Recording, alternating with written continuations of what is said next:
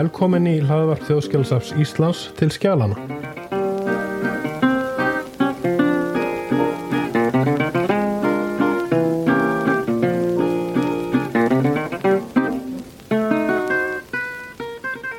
Í dag fjöllum við um skráningu og miðlun skjala úr skjálasafni Utaríkisráðandisins sem varða hernámið og síðari heimstyrjöld. Ég heiti Unnar Ingvarsson og nú koma til skjálana sakfræðinemarnir Daniel Gottsk Röggvaldsson og Alli Björn Jóhannesson en þeir hafa undarfarnu unnið að því að gera hluti þessari gagna aðgengilegan fyrir tilstyrk nýsköpunarsjóðs námsmanna. Velkonir. Já, takk fyrir það. Takk, takk. Hvers konar gögn eru það sem þið voruð að vinna með í þessu verkefni? Já, ef við bara byrjum kannski á skjálasafnu sem við vorum mest að vinna í sem er utan ríkisráðunitið skilað 1967 við erum að fara með rétt mál að þá vorum við svona að vinna mest megnist með gögn úr stjórnsíslinni og sérstaklega þá frá utan ríkisráðunitinu gögnin verða þá náttúrulega ímsum toga, þetta eru bref mörg hundruð afrið eins og, eins og við erum búin að vera að glíma við svolítið í, í sumar sko og hvers konar minnisbref, uh, dagbækur, skýrslur líka mikið af skýrslum. Já, ég held að það sé nokkuð veginn bara komið hjá þér sko, það er líka bara svona ymsar kvittanir fyrir, mm.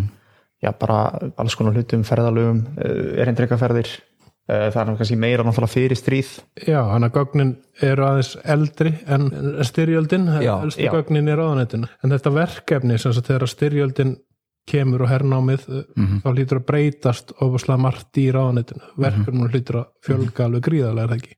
Jú, það eru nokkrar öskjul sem að heita Evropastyrjöldin og það tekur, heila, tekur okkur heila frá því eða ekki bara frá stríðsbyrjun? Jú, bara frá, og, frá því að Danmörk var hernuminn Já, einmitt. Og, og náttúrulega eins og frættur áriði einum að hálfum degi eða eitthvað eftir að Danmörk er hernuminn að þá taka Íslandíkar auðvaríkismálinn bara í sínar einhendur og þá fer boltinn svolítið að, að, að rúla og það sapnir náttúrulega mjög viða mikið, þá er ég að tala um Európastyrjaldar sapnið en við, eins og þið komið inn á þá fórum við svolítið út fyrir það líka uh, og fyrir stríð og, og, og þannig.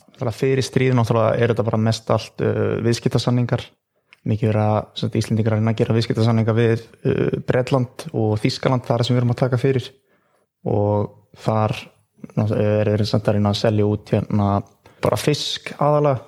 En þegar það kemur að hernóminu þá koma það aðeins öðruvísi málin á borðið eins og bara kvartanir og, og náttúrulega bara svona út af setuliðinu sem var hér breytar sem hernómi í Ísland 10. mæ 1940 Þannig að það er semst komið til kasta auðarikisráðand til að fjallum samskiptin milli hernámsliðsins og þá hersins Já, það viljast vera þannig að auðarikisráðanitið hafi oft fengið hlutverkið að, að vera þessi milliliður að þá kannski kom einhverju kvörtun til einhvers annars ráðunitis, kannski bara dómsmálaráðunitisins og, og þá fjalla samt í hlut utanríkisráðunitisins að hafa samband við þá tengiliði sína innan breska hernámsliðsins. Í upphæð er það Charles Howard Smith sem er þá sérstakur erindriki hans hátegnar Georgs sjötta.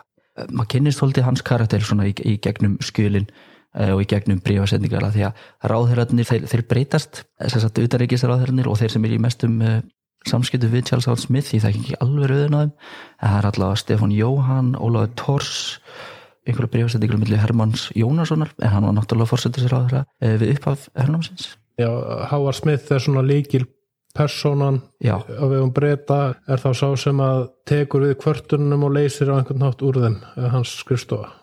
Uh, Já. Hann var alltaf í mestum samskiptum við sagt, íslenska stjórnsýslu eða við utarriksráð þeirra uh, áður, náttúrulega áður en hann lest hérna skindilega í, í lagsófiði Já, 42 sannlega mm. Já, 42 Jú, jú, hann var að veða lags Nú komið þið sem nefnendur bara inn í þetta nýskupunaverkefni og, og hérna er náttúrulega fyrsta skipta að vinna á þjóðskjálasafn og kynast kannski þessum skjölum öðrum hætti heldur en sem einhver sem er að skoða eitthvað eða rannsaka eða eitthvað sem kom ykkur óvart varðandi hvernig þessi skjöl voru eða uppbyggingun á þessu stjórnkerfi okkar?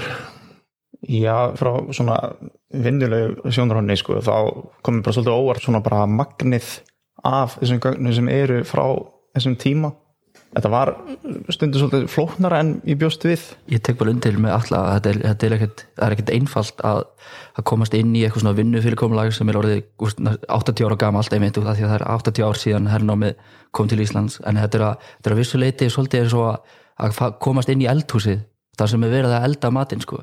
Og töfraðnir af réttinum sem er borðið á borð fyrir því sko. Að það er svolítið farið af því sko.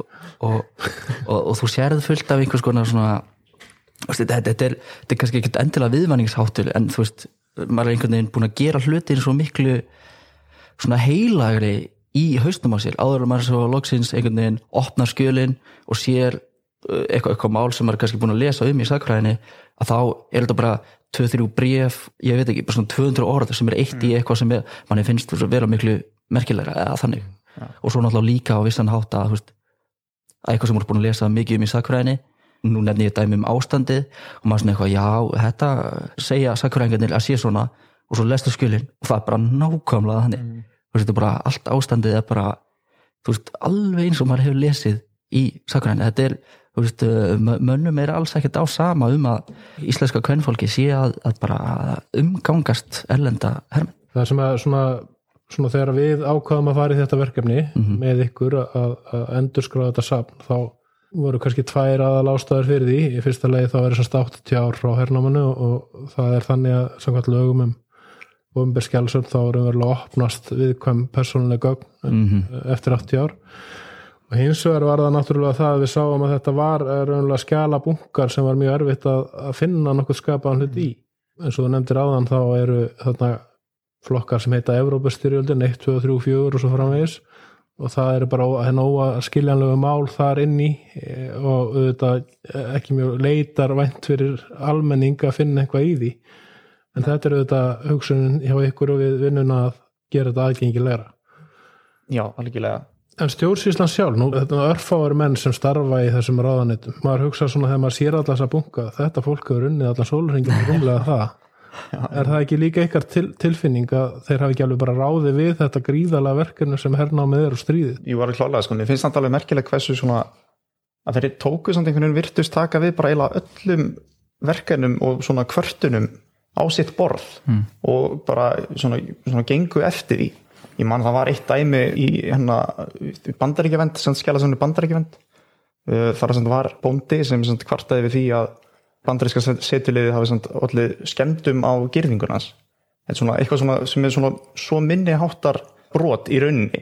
En þeir gengur samt alveg eftir og, og ég með minnir að bóndin hafi fengið skadabætur talandi um hversu mikið var á borði auðaríkisráðnýttisins að þeir myndu í alvörunni taka þessu svona alvarlega og fara, reyna að fara með þetta mál lengra þykir mér bara alveg ótrúlegt og, og sýnir svona kannski að stjórnsíslan hafi í raun haft ágætt tök á þessu verkefni En ef horfum við þetta frá hinni hliðinni að við erum með hernálslið sem hernumur Ísland hvernig tóku breytar á þessum kvörtunum? þeir tóku þessum málum svona alvarlega og vandalega var þetta sem að þeir sendu þessar kvartanir og síðan sem sagt fenguðu svar. Oftast Howard Smith sem sendi þá á, á Stefán eða Ólaf og segir sem þetta rannsón sé að fara í gang. En oft náttúrulega sá þeir að sér og náttúrulega bara að þeir hafi gert eitthvað á hlut annars. En náttúrulega stundum stungur bara málunum til stól og það heyrðist ekkit frá þeim og hérna en náttúrulega það er bara merkilegt að þeir hafi í raun og veru tekið við þessum kvörtunum og því í rauninni það bara er lengin skilda fyrir þá að að taka við þessum kvörtunum og hérna rannsæka einhver mál. Það fyrir náttúrulega, jú, vissulega hernámu Ísland. Sko breytar og kominga með náttúrulega með mjög hátilegu lofórð um að eh, valda sér minnstu, ras, minnstu raski á þjóðlífi Íslandíka og virða sjálfstæðið og með því að taka svona, svona, já, svona vínalega oft á móti þessum kvörtunum sem eru eins og þau voru að tala um það er svo, svo ótrúlega mörg lítilvæg mál sem að koma inn á borða ráðherra sem maður myndur aldrei sjá upp að borðið hjá ráðherra í dag. Ímyndaði mér, ég, ég, ég þóri ekki að fullur um það. Og þetta fer þá áfram til eh, breska hernámsliðsins. Og þeir virðast svona klíma við þetta ákunnum sko jafningja grundöldi og, og Pétur Benediktsson uh, sendi svona sendi fulltrúi fyrst uh, og hann, hann starfaði fyrst hjá Ísland, Íslands til uh, auðvitaðryggisraðar Dana í, í Breitlandi en þegar Íslandingar taka auðvitaðryggismáli í sínar hendur að þá verður hann í rauninni sendi fulltrúi Íslandinga í London en þetta var út úr þúr uh, hann sendir uh, línu til Íslendinga svolítið um herrnámið og þá talar hann um þessar, þessar jafning, þennan jafninga grundöll sem að breytar hafa alltaf sagt, bara tekið tekið þann pól í hæðina að, að, að, Íslendingar séu jafningjar og, og, og skiptir, skiptir við Íslendinga á jafningja grundalli sko. að það virðist allavega að vera þannig. En svo náttúrulega einn, það er mikilvægur punktur er að við erum öll þessi skjöl sem við erum að lesa núna að þau koma frá stjórnsýslinni og við, við kannski erum orðnir rosalega svona uh, við, erum, við erum ákveðið svona hlutlægni frá sjónarhóttni stjórnsýslina sko, eins og mann segir veist, við, okkur, okkur fannst þetta virka alveg ótrúlega vel með að við allt þetta magna eins og þú segir, þetta er alveg, gífulegt sko, og, og þessi mál sem við erum að sjá að þau leysast oft á einhvern hátt. Og já, breytar e, þeir framkama sína rannsókn á kannski einhverju máli eins og myndir talar um gyrðingu eða einhverju hundar kannski einhverju hundarhernáms liðsins mm -hmm. sem að ríðast á einhverju kindir og, og breska rannsóknin rannsóknin myndi kannski leða í ljós að það, það var ekki við breyta að sakast mm. það var úrst kindin sem var í óleiði á herstuðinni og, og þetta er ekki raunulegt dæmi þó að svipuð dæmi hafi verið um það í rauninni að breytar, þeir, þeir fengur skýslu frá sínum herrmönum og, og tóku er í rauninni alltaf gildar sko.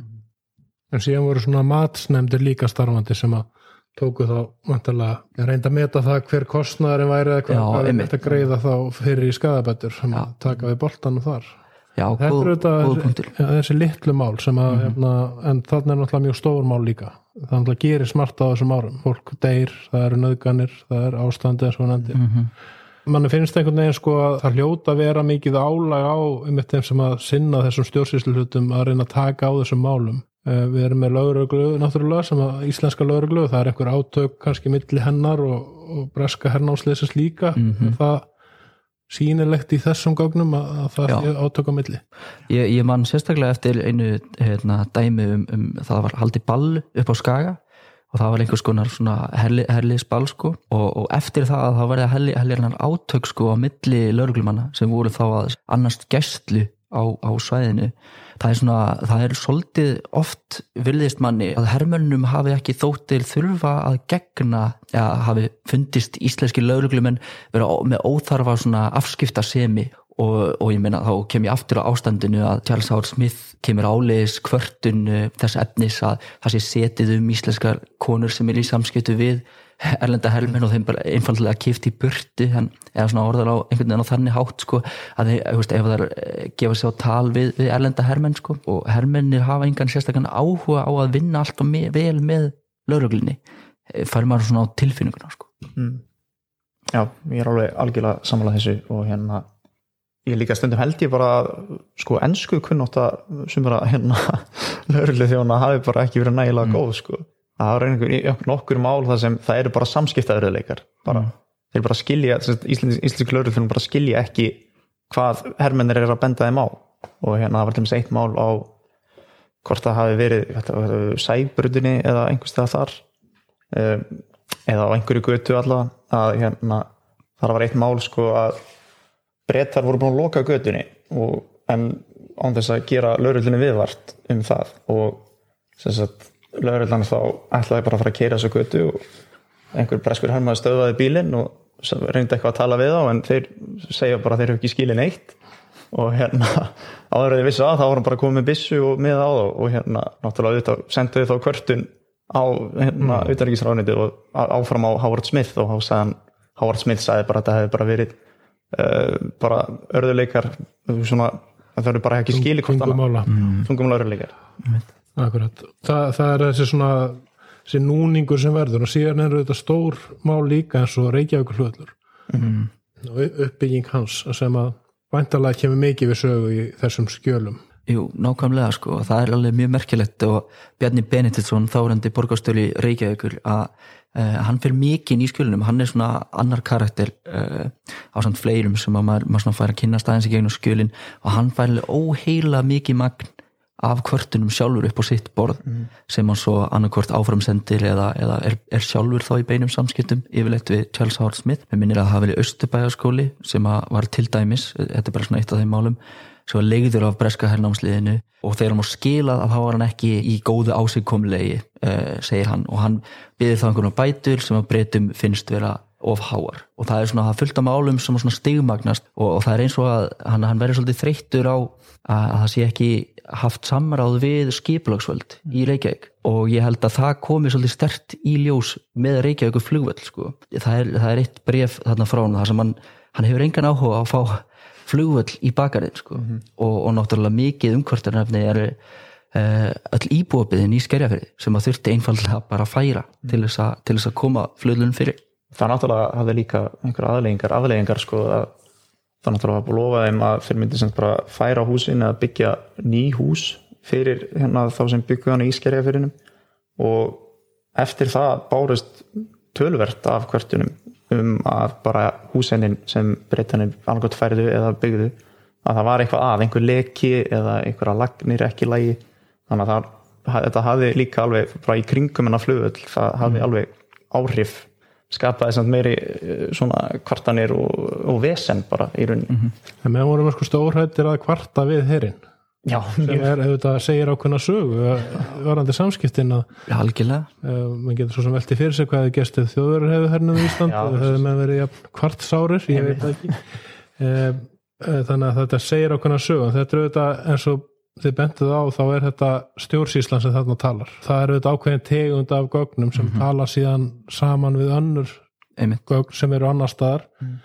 Uh, bara enga skjöl þá eða bríf eða dagblöða heimildir eða þess aftur, þannig að það er þessi saga sem er þessi já þetta miskusti ætti að auka aðgengið þessum ofnbæra hluta um, maður veldur líka fyrir sér að þið hafa verið að skoða að þetta verkefni hefur snúið að þessu skjálasafni utryggisræðandrins að það eru svona í öðrum skjálasöfnum hérna í safnunu er, er, er mikið af samsvarandi gögnum sem hugsanlega fjall eitthvað pínulítið um önnur mál mm -hmm. en, en, en oft verðast gögnin flakka svona millir ráðan þetta ekki satt Jú, Jú. það sjáum við náttúrulega bara í, í öllum fjölda afrita sko -hmm. sem að við höfum verið að klíma við eins og ég segir Svo maður bara snúið sér að bara svona praktikinni hvernig fannst ykkur að vinna þetta verkefni? Var þetta áhugavert fyrir ykkur sem sakræðinum að fá að kynast þessum, þessum hluta? Mm -hmm já, síðri heimstildin er svona efni sem að náttúrulega, þú veist þú, þú kemst eiginlega ekkert hjá því uh, að læra um hana og sérstaklega þá ekki í, í, okkar námi í sakkuræðin þó að maður hafi ekkert lagt, ekkert endilega lagt neina sérstaklega áherslu á það. Og svo náttúrulega í samfélaginu er bara rosalega, það er mikil áhugi á bara efnum síðri heimstild mm. það er ekki í stundum talað um að til þess að selja uh, sakkuræðbóka, þetta skiljum sinni heimstildina einfallega og hernámið hefur náttúrulega bara gríðarlega áhrif á Íslandi og bara, úst, líðveldistofnun er 1944 þegar hernámið er ennþá í gangi og að fá að taka þátt í svona verkefni sem að manni finnst einhvern veginn svona lúta að svona allra mikilvægastu skjulunum um einhverju svona stjórnsýslinni það er náttúrulega í fyrsta lagi bara heiður og mjög spennandi verkefni og, og mörg skjul sem eru mjög spennandi. Og svo náttúrulega e, leynast í þessu þessi smá smuglu málum um totla endurgreislur og okkur svoleið sko, sem náttúrulega kannski ekki einspennandi en, en tengjast samt og, og búa, tengjast í því að búa til þessa sögu um hernámið. Já, ég fekk bara alveg undir þetta sko. Að, hérna, þetta er bara búið að ótrúlega lærtámsrikt og gaman og nýtast okkur vel í framtíðinni. Þannig að þeir mun skrifa marga bækur um hernámið þau vita að það er seljast og hérna, Já, já, þetta er þetta er, þetta er start í það. En bara talandum þetta að líðveldstofnun 44 mm. er mikið að gögnum sem tengist þeim uh, viðræðan við bandarækjumenn um að tryggja það að Ísland verði líðveldi í því sem þeir eru búin að vera að skoða Nei, ég get ekki sagt að, að haf, við höfum fundið mikið af þeim, það er einhver, einhver skjul sko uh, og þá sérstaklega í, í þeim öskum sem heita bandarækjavernd mm. þeir hafa engan sérstakann áhuga á því að Ísland lýsi yfir líðveldi sagt, eh, verði sjálfstætt algjörlega óháð Danmörku eh, eins og frækt er að þeir vilja eins býða, býða með að Ísland stopni líðveldi ekki á meðan herrnáminni stendur að því að það spilir bara beint upp í hendurnar á áráðus tækjum þjóðvera en það er náttúrulega svolítið þegar bandaríkjuminn taka við af breytum eh, með varnir Íslands í setni heimstældinni að þá er svolítið tala um, um það sko og bandaríkjuminn sjá bæði Ísland og svo Grænland sem svona stöppla sem að þjóðveljar ef þeir kemist yfir þessi lönd gæti þá komist og notað til þess að komast í, til Norður Ameríku í, í rauninni sko. Og það er svolítið mikil umræð frekar myndi ég, myndi ég halda. En Já, það var ekki mikið, ekki mikið um hérna stofnun líðveldisins það var náttúrulega eitthvað smá hana í nöskju sko sem reyndar það tengdist ekki þannig sér herrnúmuru en það var um stofnun hjálparstofnunar hérna saminu þjóðana þá voru Íslendingar náttúrulega var hérna verkefni náttúrulega eftir stríð að hver þjóð myndi útvega einhvern mat og aðra nöðsynjafurur til þeirra þjóðu sem lendu vest í styrjöldinni þeir voru virtust vera meira að hugsa út í það sko að eða myndi taka þátt í þessu verkefni og skaffa sagt, einhvern fisk eða hérna, einhverja mat, matvörur að þá myndi það væri náttúrulega svo eitthvað svona sem sjálfstætt ríki myndi gera, myndi gera að svona gildandi sem sjálfstætt ríki en það er í raun bara eina dæmi sem allavega ég man eftir en ekkert eitthvað endilega tengt bandaríkinum sko. Nei, það, það er út af fyrir sem mjög áhugavert en þetta var stórmál Mhm. Já, uh, og vissulega eru til mörg skjöl um það. Í öðrum skjálasöfnum innan skjálasafsins sem segir mann það að kannski var auðvitaðrikiðsáð það er ekki sá sem hafði það Mm. mest um að vila heldur voru það aðrir sem gerðu það. Og það kannski leiðir hugan að svona personum og leikandum í þessu Sveit Björnsson til dæmis sem var sendi herra kallaður í Danmörku þó Ísland var nú ekki sjálfstætt land þá var hann kallaður sendi herra samt. Mm. kallaður heim eh, og hefur einhvers konar eh, yfir umsjón með skipulagningu meðal annars þess að áróður í gagvart til Ísland verði sjálfstætt ríki og hvernig við ættum að haga okkur í, í stríðinu. En Sveit Björnsson er vantarlega þá ekki með fyrirferða mikill í þessum skjálasöfnum heldur? Nei, allavega ekki á hernámsárunum þau eru með nokkuð skjöl sem er aðeins eldri þar, hann er mjög fyrirferða mikil þar. En síðan er náttúrulega aðrir aðrar personur sem eru kannski meira koma meira við sögu, það er þá þeir sem eru kannski sendiherra, sendifuttur og ennþá úti í Breitland til dæmis það eru íslenskir fangar sem eru fluttir og þýskir fangar fluttir Breitlands og einhvað það nú utarikistjónastan sinna þeim. Og svo er þurft að flytja Íslendinga heim frá Evrópu, betur samanförun til dæmis. einmitt, þannig að það er þá meira í þeim anda sem þessi gögn eru?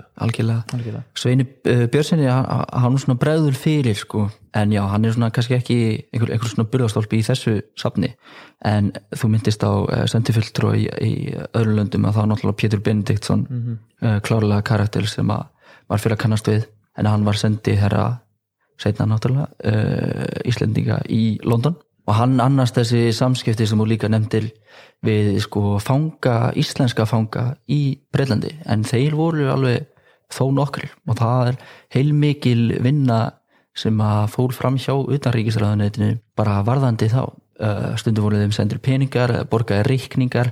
Uh, þeir senda hverjur heim.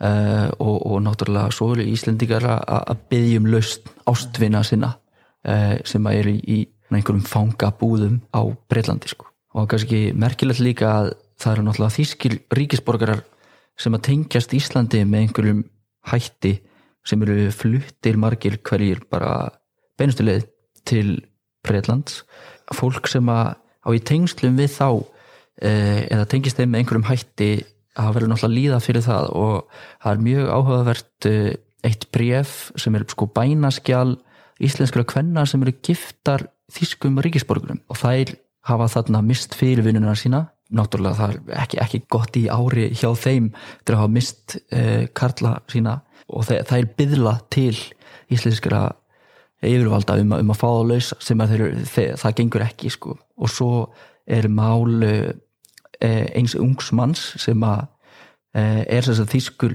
ríkisborgari 17 ára gamall en hefði orðið sko íslensku ríkisborgari á 18 ára amalinu sínu og honum er skilt eins og öllum þýskum ríkisborgurum á Íslandi að tilkynna sig svona reglulega til breska hernámsliðsins. Uh, og hann klikkar á því að minnst okkur steinu sinni uh, og er þar á leiðandi bara settur úr landi 17 ára gamall. Og, og það er svona svolítið átakalegt mál og maður getur vart ímdað sér að vera 17 ára gamall og, og í rauninni hálf þýskur að því að hann átti íslenska móður. Og hefði orðið Íslendingur eh, sem sagt, með íslenska ríkisborgarétt eftir nokkra mánu að honum er bara hend úr, úr landi sko, eða sendur úr landi en hann kemur að lokum heim sko, innan, innan hernáms tímans sko. Íslands stjórnut almennt séðir reyna að fá þetta fólk löst Já, Já. algjörlega það er ekki að þeir eru ekki að segja já, já, við vitum alveg þið þurfa að fangjast að þennan og þessi mál sem að á þá í hlut þetta er annars vegar bara menn sem eru þá þjóðverjar Mhm. eh, kannski menn sem hafa farið óvarlega með uh, senditæki eða eitthvað einmitt.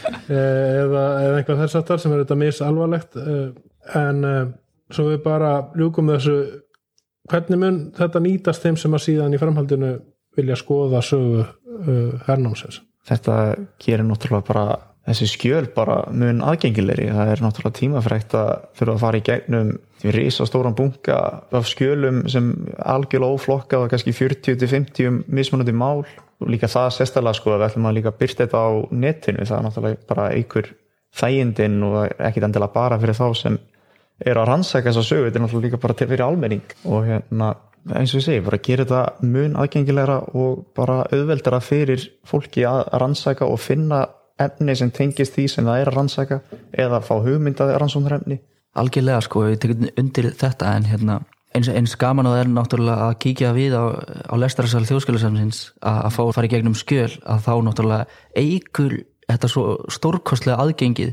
Þú veist, eh, fólk sem að hefði þurft að gera sér ferð í bæin og nú erum við allir náttúrulega báður eifirðingar þannig að við þekkjum það að vilja Olmir komast í einhver skjöl sem að eru þá geimd í, e, geimd í höðustafnum og þó að náttúrulega það sé ekki raunhæft að koma öllum, öllum skjölunum kannski ekki öllu skjálfsamnu til skila þanga að þá eru viss skjöl sem eru að opnast núna fyrir e, rannsakendur og svo náttúrulega bara fólk sem að áhæruð með að koma er þetta aðgengi fyrir alla held ég að sé alveg, alveg virkilega mikilvægt og og náttúrulega, já, bara fyrir unga áhuga mönnum sagfræði og þá sem er að læra eh, hernámið er náttúrulega bara svona klassist eh, sagfræðilegt efni sem er að skoða út frá miljón hliðum. Mm -hmm. og ávonandi eftir að halda áfram að gera það og, og álíklega.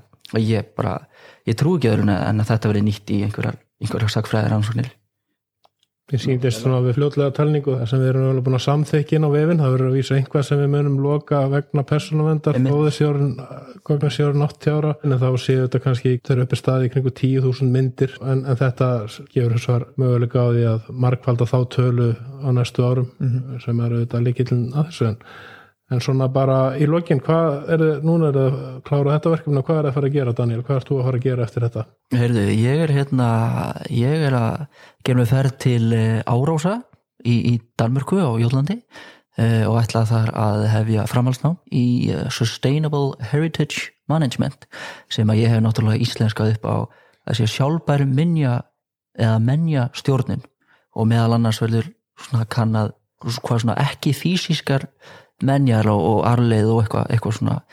E, þetta verður áhugavert. Já og ég er bara ég held mér hérna bara í Reykjavík og hérna ætla að halda áfram í sæfræðinni. Uh, er þess að fara að byrja í master.